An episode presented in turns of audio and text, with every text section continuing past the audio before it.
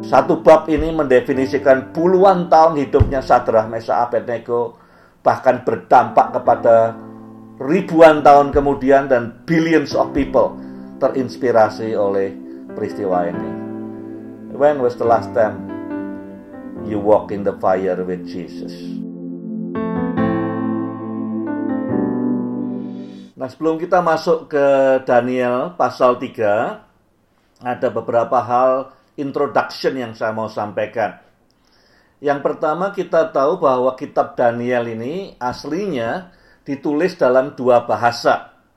Satu yaitu bahasa Ibrani mulai dari pasal 1 ayat 1 sampai pasal 2 ayat 4 itu bahasa Ibrani.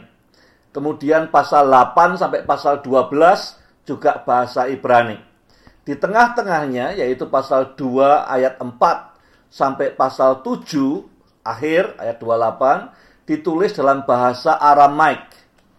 Nah, bahasa Aramaik itu seperti kalau sekarang bahasa Inggris, bahasanya dunia. Semua ngomong pakai bahasa itu. Kita tahu kerajaan eh, Babylon ini luas sekali dari Afrika, dari Sudan, Ethiopia sampai ke India. Jadi bahasanya macam-macam yang menyatukan ya bahasa Aram tadi. Jadi kita tahu pasal 2 ayat 4 dan seterusnya itu ditujukan kepada seluruh dunia audiensnya. Pasal 1 dan pasal 8 seterusnya lebih kepada orang-orang Israel. Yang kedua, bab 3 oleh pengajar Alkitab dianggap sebagai pusatnya kitab Daniel. Pusatnya ada di Daniel pasal 3. Tapi yang menarik sekali, di pusat daripada tulisannya Daniel, kitab Daniel ini, nama Daniel justru tidak ada. Yang ketiga, para penatua Yahudi yang menerjemahkan Alkitab Perjanjian Lama ke dalam bahasa Latin. Alkitabnya namanya Septuaginta. 70 orang penatua yang menerjemahkan Perjanjian Lama dalam bahasa Latin disebutkan bahwa peristiwa ini terjadi pada tahun ke-18 pemerintahan Nebukadnezar. Jadi artinya apa? Artinya antara pasal 2 ke pasal 3, pasal 2 itu tahun kedua Nebukadnezar, pasal ketiga itu tahun ke-18. Jadi ada tenggang waktu 16 tahun. Itu sekitar tahun-tahun 587 atau 86 sebelum Masehi. Pada saat yang bersamaan, tahun yang sama atau tahun sebelumnya, di mana Nebukadnezar mengirimkan jenderalnya untuk membakar habis bait Allah. Jadi waktu Daniel dibawa ke pengasingan, bait Allah tidak dihancurkan, hanya diambil barang-barangnya saja. Tapi pada tahun 587, tentara Babylon masuk lagi ke, ke Israel karena Raja Sedekia memberontak, kemudian bait Allah dan tembok Yerusalem dihancurkan sama sekali. Jadi Waktunya kira-kira bersamaan. Saya beri judul Daniel pasal 3 Walking in the Fire. Ya, itu memang ada ayatnya yang mengatakan mereka berjalan ya di tengah-tengah bara api. Mereka itu adalah Sadrah, Mesah, dan Abednego. Yang pertama saya belajar dari Daniel ini kitab Daniel, tapi justru namanya tidak ada di sana pusat daripada tulisannya dia ini didedikasikan kepada sahabat-sahabatnya. Tujuannya Daniel nulis bab 3 ini apa? Kenapa dia nulis bab ini dan namanya tidak ditulis di sana? Paling tidak kenapa tidak disebut? Saya runtun dari bab 1 sampai bab yang ke-12. Hanya di bab 3 dan bab 11 namanya Daniel tidak ada. Ya. Bab 11 itu semua tentang penjelasan penglihatannya Daniel.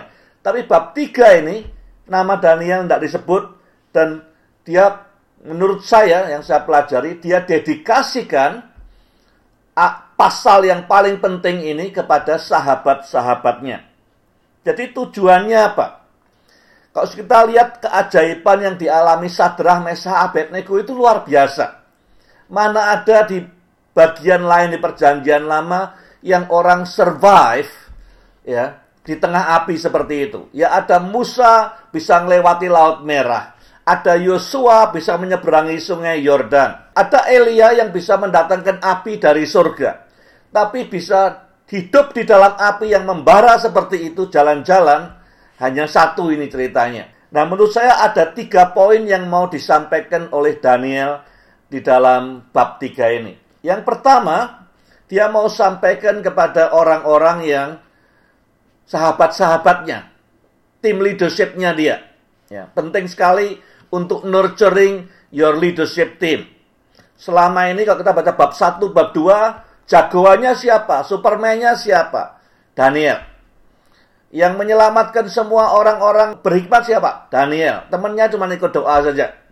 Tapi di bab 3 ini, dia mau yakinkan kepada leadership timnya dia. Dia mau beri afirmasi pada mereka. Supaya mereka semua tahu pusat daripada kitab ini, pasal ini tidak bicarakan tentang diriku sendiri. Berbicara tentang tim leadership. Tanpa mereka, aku tidak ada artinya apa-apa. Ya. Poin nomor satu menurut saya tujuan Daniel, dia mau affirm. Nah, nomor dua, yang dikerjakan Daniel di bab tiga ini adalah dia memberikan endorsement. Karena yang datang pada acara itu, semua pejabat dari semua provinsi, dari seluruh dunia. Datang untuk disuruh sujud menyembah patung itu. Ya. Jadi dia memberikan endorsement kepada semua pejabat lain. Kita tahu bahwa Sadrah, Mesa, Abednego dimasukkan ke api karena ada pejabat-pejabat lain yang iri, resis, ya, orang-orang yang tidak senang dengan orang Yahudi.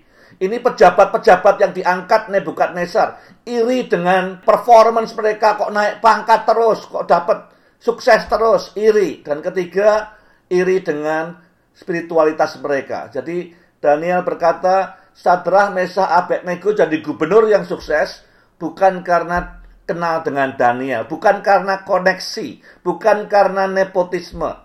Bab 3 membuktikan bahwa mereka bertiga bisa berdiri sukses atas reputasinya sendiri. Mereka punya pengalaman sendiri yang luar biasa. They stood as leaders on their own merit.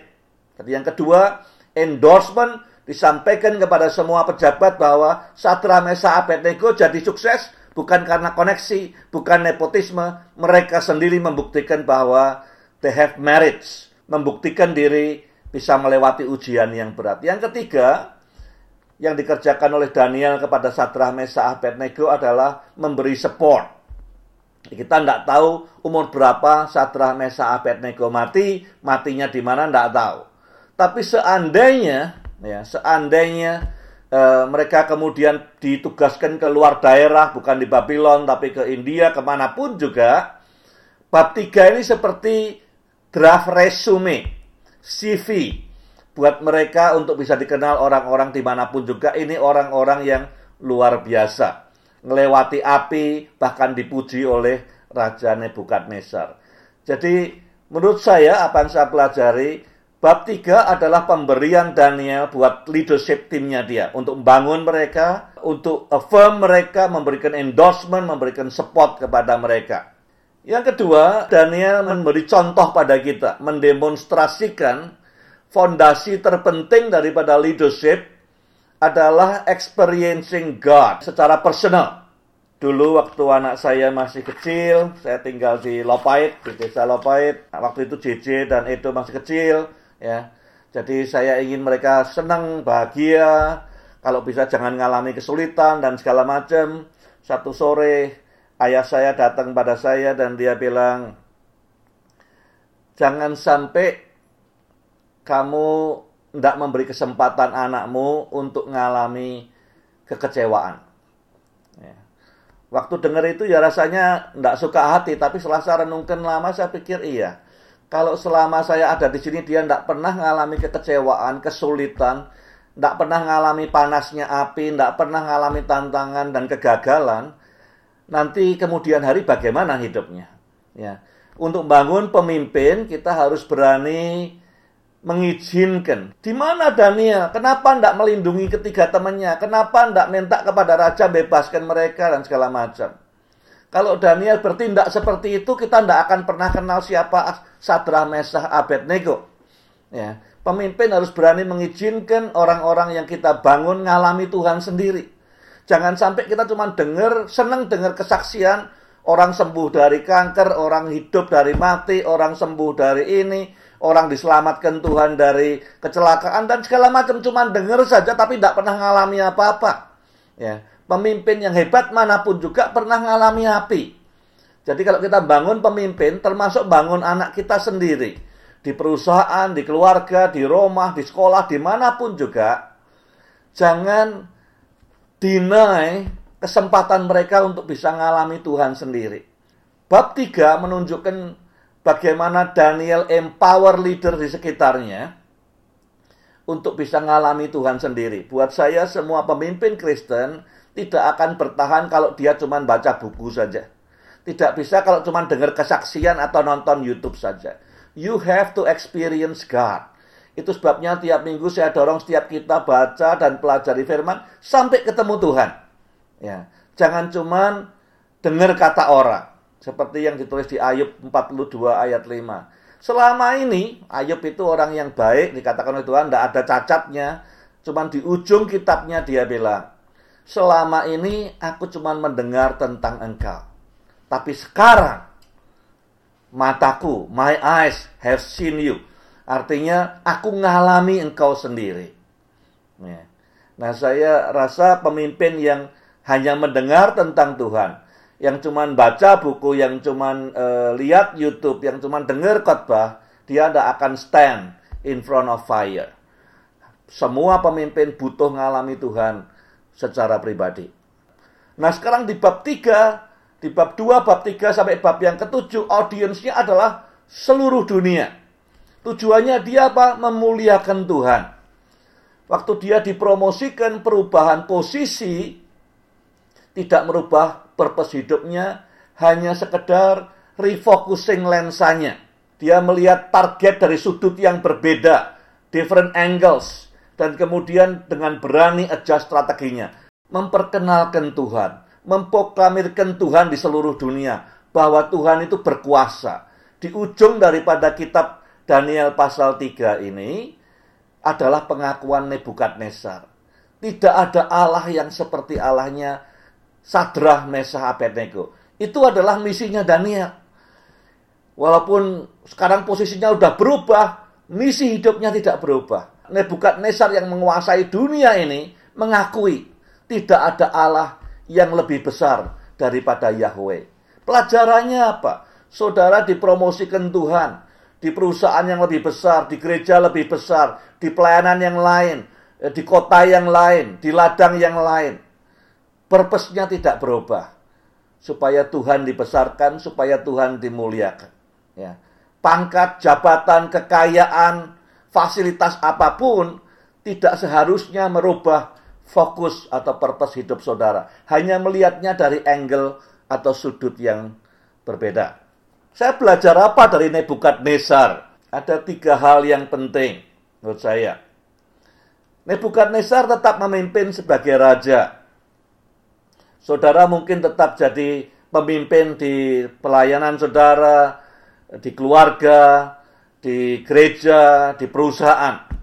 Tapi tiga hal ini pada saat Nebukadnezar mengerjakan ini, secara de facto dia bukan lagi seorang pemimpin. Yang pertama, di ayat 15, waktu dia mulai mengancam, ya, maka dia mengaku bahwa otoritasnya sebagai pemimpin tidak ada lagi. Pada saat kita memimpin dengan mengancam orang yang kita pimpin, dengan mengancam lawan bicara kita, sesungguhnya kita ini menyerah kalah sebagai pemimpin. Kita mengaku bahwa otoritas saya sebagai pemimpin tidak ada lagi, maka saya perlu gunakan ancaman. Ya. Di keluarga sama. Saudara mungkin bisa refleksi pada saat saudara mengancam anak saudara, tidak bisa dengar saudara lagi di tempat kerja, di gereja, di mana pun juga. Pada saat saya bicara mulai mengancam, pada saat itu juga sudah mengaku bahwa saudara sudah tidak punya otoritas untuk memimpin lagi dalam hal itu. Yang kedua, pada saat saudara merendahkan lawan bicara saudara. Ya. Pada saat terjadi, waktu Nebukadnezar berkata, Allah mana yang bisa bebaskan kamu? Dewa mana? Siapa yang bisa menolong kamu? Pada saat dia merendahkan lawan bicaranya. Pada saat dia menghina orang yang dia pimpin saat itu sesungguhnya dia mengaku wibawanya sebagai pemimpin sudah tidak ada lagi. Maka yang memimpin kemudian adalah kesombongannya. Yang ketiga, pada saat kita dikuasai amarah dalam memimpin. Yang dikatakan di ayat 1922, pada saat dia dikuasai amarah, ada banyak orang berdosa jadi korban. Serdadunya yang melemparkan Sadrah Mesa Abednego sampai mati kebakar semua. Pada saat kita memimpin dengan emosi, dengan amarah, sesungguhnya kita bukan memimpin orang-orang yang kita pimpin. Kita sudah menanggalkan jubah kepemimpinan kita. Jadi ini penting buat saudara yang mimpin keluarga, mimpin perusahaan, mimpin gereja, mimpin pelayanan. Seringkali kita tidak sadar. Pada saat kemarahan begitu rupa seperti ayat 19 menguasai kita, orang yang kita pimpin tahu, this is not my leader. Ini bukan pemimpin saya. Dia mungkin bos, tapi bukan pemimpin saya. Pada saat kita merendahkan orang yang kita pimpin, anak kita sendiri, anak buah kita sendiri, orang-orang tahu this is not my leader. Pada saat kita mulai ngancam, wibawa kita sungguhnya tidak ada lagi.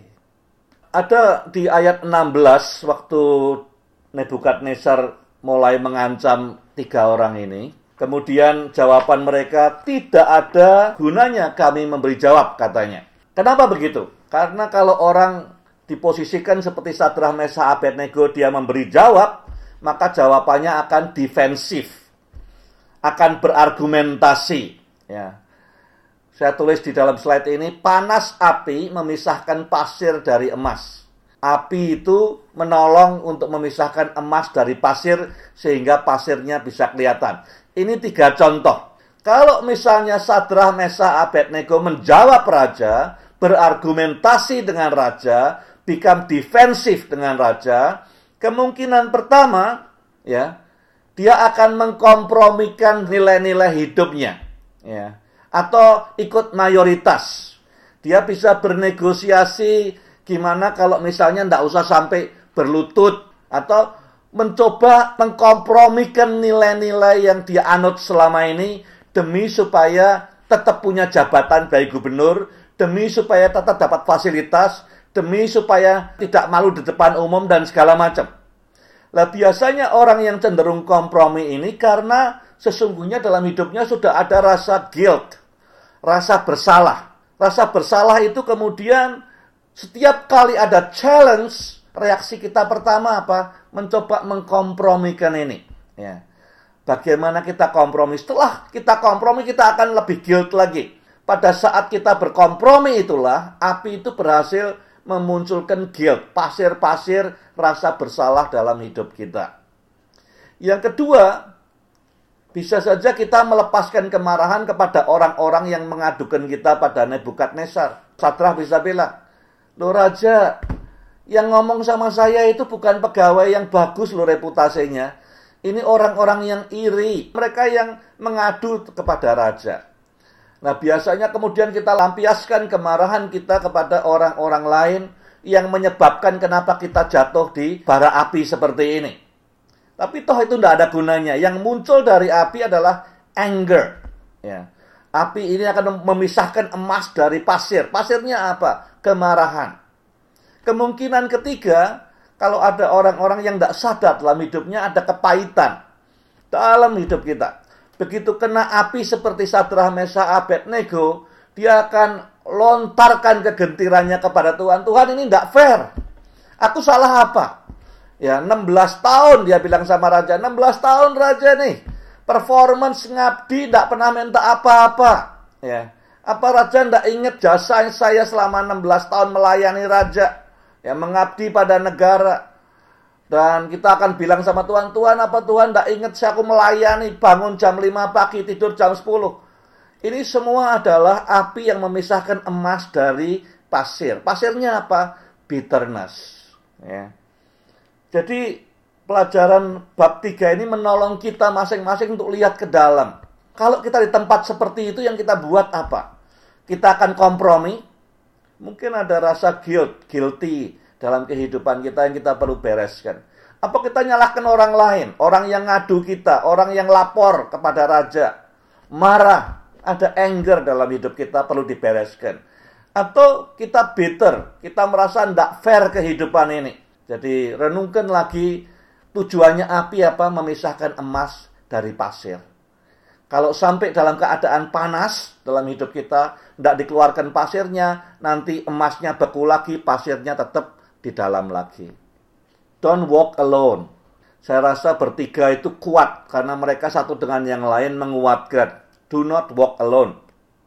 Tapi kalau engkau mau bawa orang berjalan di api, jangan orang yang bawa minyak tanah atau bensin.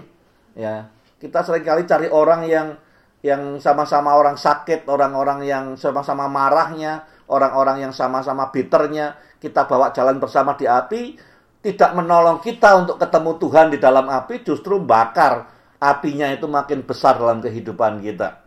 Kalau saya jadi penonton waktu itu, kalau saya adalah Raja Nebukadnezar waktu itu, saya melihat ke dalam tempat perapian dan saya berkata, that was the most beautiful. Yeah scenery, amazing sight my whole life. Selama hidupku, aku tidak pernah lihat seindah pemandangan seindah ini. Empat orang ya, tiga sahabat sejati dan satu orang yang bersinar seperti anak Allah berjalan dengan tenangnya di tengah api. Alkitab tidak berkata bahwa di tengah api itu tidak panas, panas tapi tidak terbakar. Oleh karena peristiwa ini, banyak orang bisa menikmati sesuatu yang indah, Once in a lifetime.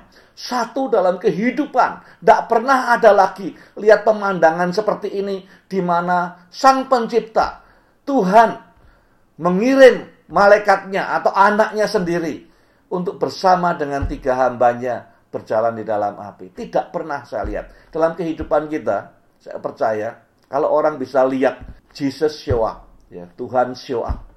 Dia begitu dekat dalam keadaan yang paling sulit dalam hidup kita, Yesus dekat.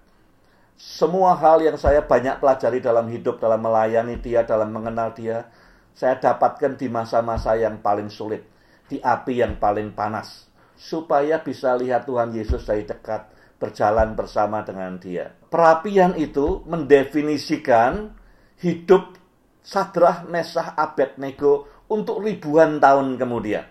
Eh. Sadrah, Mesah, Abednego, saya percaya eh, menghasilkan banyak achievement dalam hidupnya.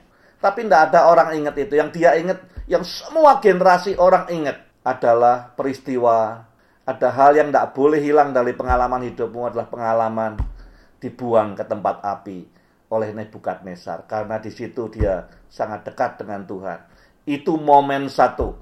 Bab tiga ini yang mendefinisikan Sadrah, Mesah, Abednego sebagai the giants of faith, hero uh, bagi banyak orang percaya. Yang terakhir, yang keempat, ya pengalaman itu menginspirasi millions upon millions, bahkan billions orang yang belum lahir waktu itu terinspirasi oleh peristiwa ini. Satu bab ini mendefinisikan puluhan tahun hidupnya Sadrah, Mesah, Abednego, bahkan berdampak kepada ribuan tahun kemudian dan billions of people terinspirasi oleh peristiwa ini.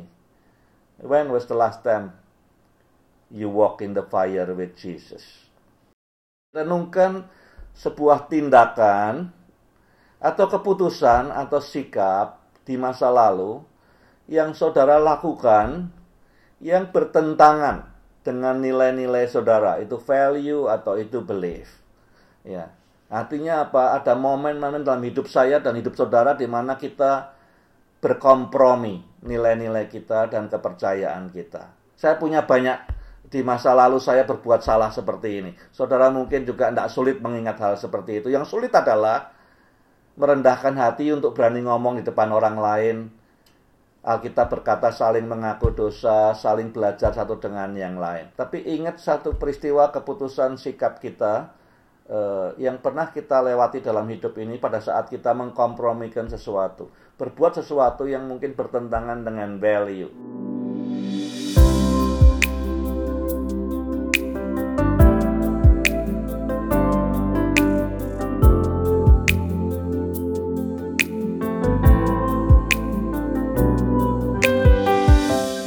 Saya bertanya-tanya belajar bab 3 ini Why did God do it? Kenapa Tuhan menolong Sadrah, Mesah, dan Abednego. Kalau kita lihat dalam sejarah, tadi saya katakan di waktu yang bersamaan, banyak orang percaya di Yerusalem yang mati dipanggang oleh orang-orang Babylon waktu mereka membakar bait Allah dan Yerusalem. Kalau kita ingat gereja awal, betapa banyaknya orang-orang yang sungguh-sungguh jadi martir, dijadikan obor menurut mereka di zaman Kaisar Nero. Kenapa Tuhan tidak nolong mereka waktu api itu datang? Kenapa Tuhan tidak bertindak seperti waktu dia bertindak atas Sadrah, Mesah, dan Abednego? Tapi kenapa kali ini dia bertindak? Ya. Itu pertanyaan saya yang paling dalam di bab 3 ini. Why did God do it? Kenapa kali ini dikerjakan? Padahal dalam sejarah kita lihat banyak orang yang dibiarkan Tuhan. Bukan orang yang tidak kudus, orang kudus, orang percaya Tuhan Yesus, orang memuridkan, ya, orang yang luar biasa, tapi mati karena dijadikan obor oleh Kaisar Nero dan eh, orang-orang uh, Roma waktu itu. Saya bertanya, apakah ini karena iman mereka lebih hebat daripada imannya orang-orang lain? Kalau saya lihat di buku-buku tafsiran, kebanyakan menyebut Daniel bab 3 ini bab iman katanya. Tapi saya selidiki tidak ada indikasi ke arah itu. Mereka bertiga tidak tahu bahwa Tuhan akan menolong. Jadi bukan karena iman. Bukan karena iman mereka lebih hebat daripada iman gereja awal bukan karena iman mereka lebih hebat daripada orang-orang percaya di Yerusalem waktu itu. Jadi saya coret kemungkinan pertama, bukan karena iman mereka Tuhan bertindak. Lalu saya bertanya, apakah karena keberanian mereka? Apakah Tuhan terkesan dengan ke keberanian mereka? Their boldness. Saya pelajari baik-baik hati-hati di bab 3, saya tidak temukan itu juga. Saya lihat banyak kali buku tafsiran bab 3 ini yang menurut saya agak keliru karena mengatakan bahwa ini adalah bab iman atau ini bab boldness. Kalau ini iman, maka ketiga orang ini bisa bersombong diri. Siapa yang punya iman bisa berjalan-jalan di atas api. Mereka bisa nulis buku seperti itu. Kalau ini karena boldness, mereka bertiga bisa cerita ke mana-mana. Ya, karena keberanianku lah. Pakaianku tidak kebakar, rambutku tidak kebakar, dan segala macam. Lalu ketemu dua hal yang menurut saya cukup penting. Yang pertama dari jawaban mereka, saya lihat ada dua hal penting. Satu adalah pengenalan akan Allah. Tidak ada keraguan sama sekali dia berkata, kalau Tuhanku mampu pasti dia mau. No question about it. Di perjanjian baru ada orang yang datang ke Tuhan, dia bilang, Tuhan, kalau engkau mau, engkau bisa Kebalik dengan ini. Ya. Tuhan heran. Maksudmu apa? Bilang aku mau. Mungkin mereka bilang, aku kenal Tuhanku. Kalau dia mampu, pasti dia akan tolong kami. Terus dia bilang, kalau toh dia tidak tolong, pasti ada alasan yang jauh lebih penting daripada pengetahuanku ini. Yang saya lihat satu adalah relational, hubungan yang dekat dengan Tuhan. Bukan soal iman, bukan soal keberanian, tapi pengenalan akan Tuhan. Dan yang kedua adalah soal surrendered life. There is no demand. Ya. Hidup yang diserahkan di atas mesbah. Tidak ada tuntutan apa-apa dalam hidup ini. Tidak mengklaim apa pun, tidak ada rasa bahwa aku berhak atas apa pun juga. Ya. Jadi relational and surrendered life. Menurut saya itu adalah kuncinya dan penyerahan kepada Tuhan. Dan yang kedua yang menurut saya penting, kenapa Tuhan? Apa yang mau dituju oleh Tuhan? Outcome-nya apa sih? Tuhan nolong tiga orang ini. Kenapa begitu penting nolong tiga orang ini? Tuhan ingin ngomong kepada orang Israel yang selama ini dibuang, ya sudah sekian belas tahun dibuang. Mereka selalu melihat dirinya sebagai victim. Kita sering kali melihat kita sebagai victim. Saya orang buangan, saya dihukum Tuhan, saya salah, saya ini, saya itu. Tuhan bilang, stop. Victim mentality Stop menjadi orang yang butuh dikasihani, yang terus minta dikasihani. Berdiri, tegak. We have a new mission sekarang ini. Memberitakan tentang Tuhan di seluruh dunia. Apa sih pesannya Sadrah, Mesa, Abednego di bab 3 ini? Apa pesan mereka? Apa yang mau mereka sampaikan? Saya baca berkali-kali bab ini. Jawaban saya apa? Nothing. Sadrah, Mesah, Abednego, silence. Tidak ngomong apa-apa. Kenapa? Kalau dia ngomong dia akan cerita tentang kebesarannya, kesuksesannya, kehebatannya. Siapa orang di bumi ini yang bisa hidup di tengah api seperti itu? Tidak ada sebelumnya dan tidak ada lagi. Alkitab bilang, kalau ada yang muji kamu, biar orang lain yang muji kamu, bukan dirimu sendiri. Ya, jadi Sadrah Mesang Abednego ngomong apa di bab 3? Nothing. Zero. Ya. Saya sering bilang ke teman-teman, kalau kamu memberi contoh yang baik, ya, pakai contoh orang lain yang berhasil. Kalau contoh yang keliru, con pakai contoh dirimu di masa yang lalu. Ya. Supaya tidak kita jatuh kepada pride dan kesombongan, dan merasa bahwa kita berhak atas sesuatu. Sadrah, Mesa, Abednego mengajar saya banyak hal, termasuk pada saat dia diam. Ya, sering kali saya belajar dari omongan orang, tapi juga saya sering belajar dari diamnya orang. Tidak selalu harus ngomong untuk ngajari orang lain. Yang terakhir yang saya belajar dari bab 3, sesungguhnya yang ditampilkan oleh Sadrah Mesa Abednego membuat saya bertanya, so where is the ultimate commitment goes.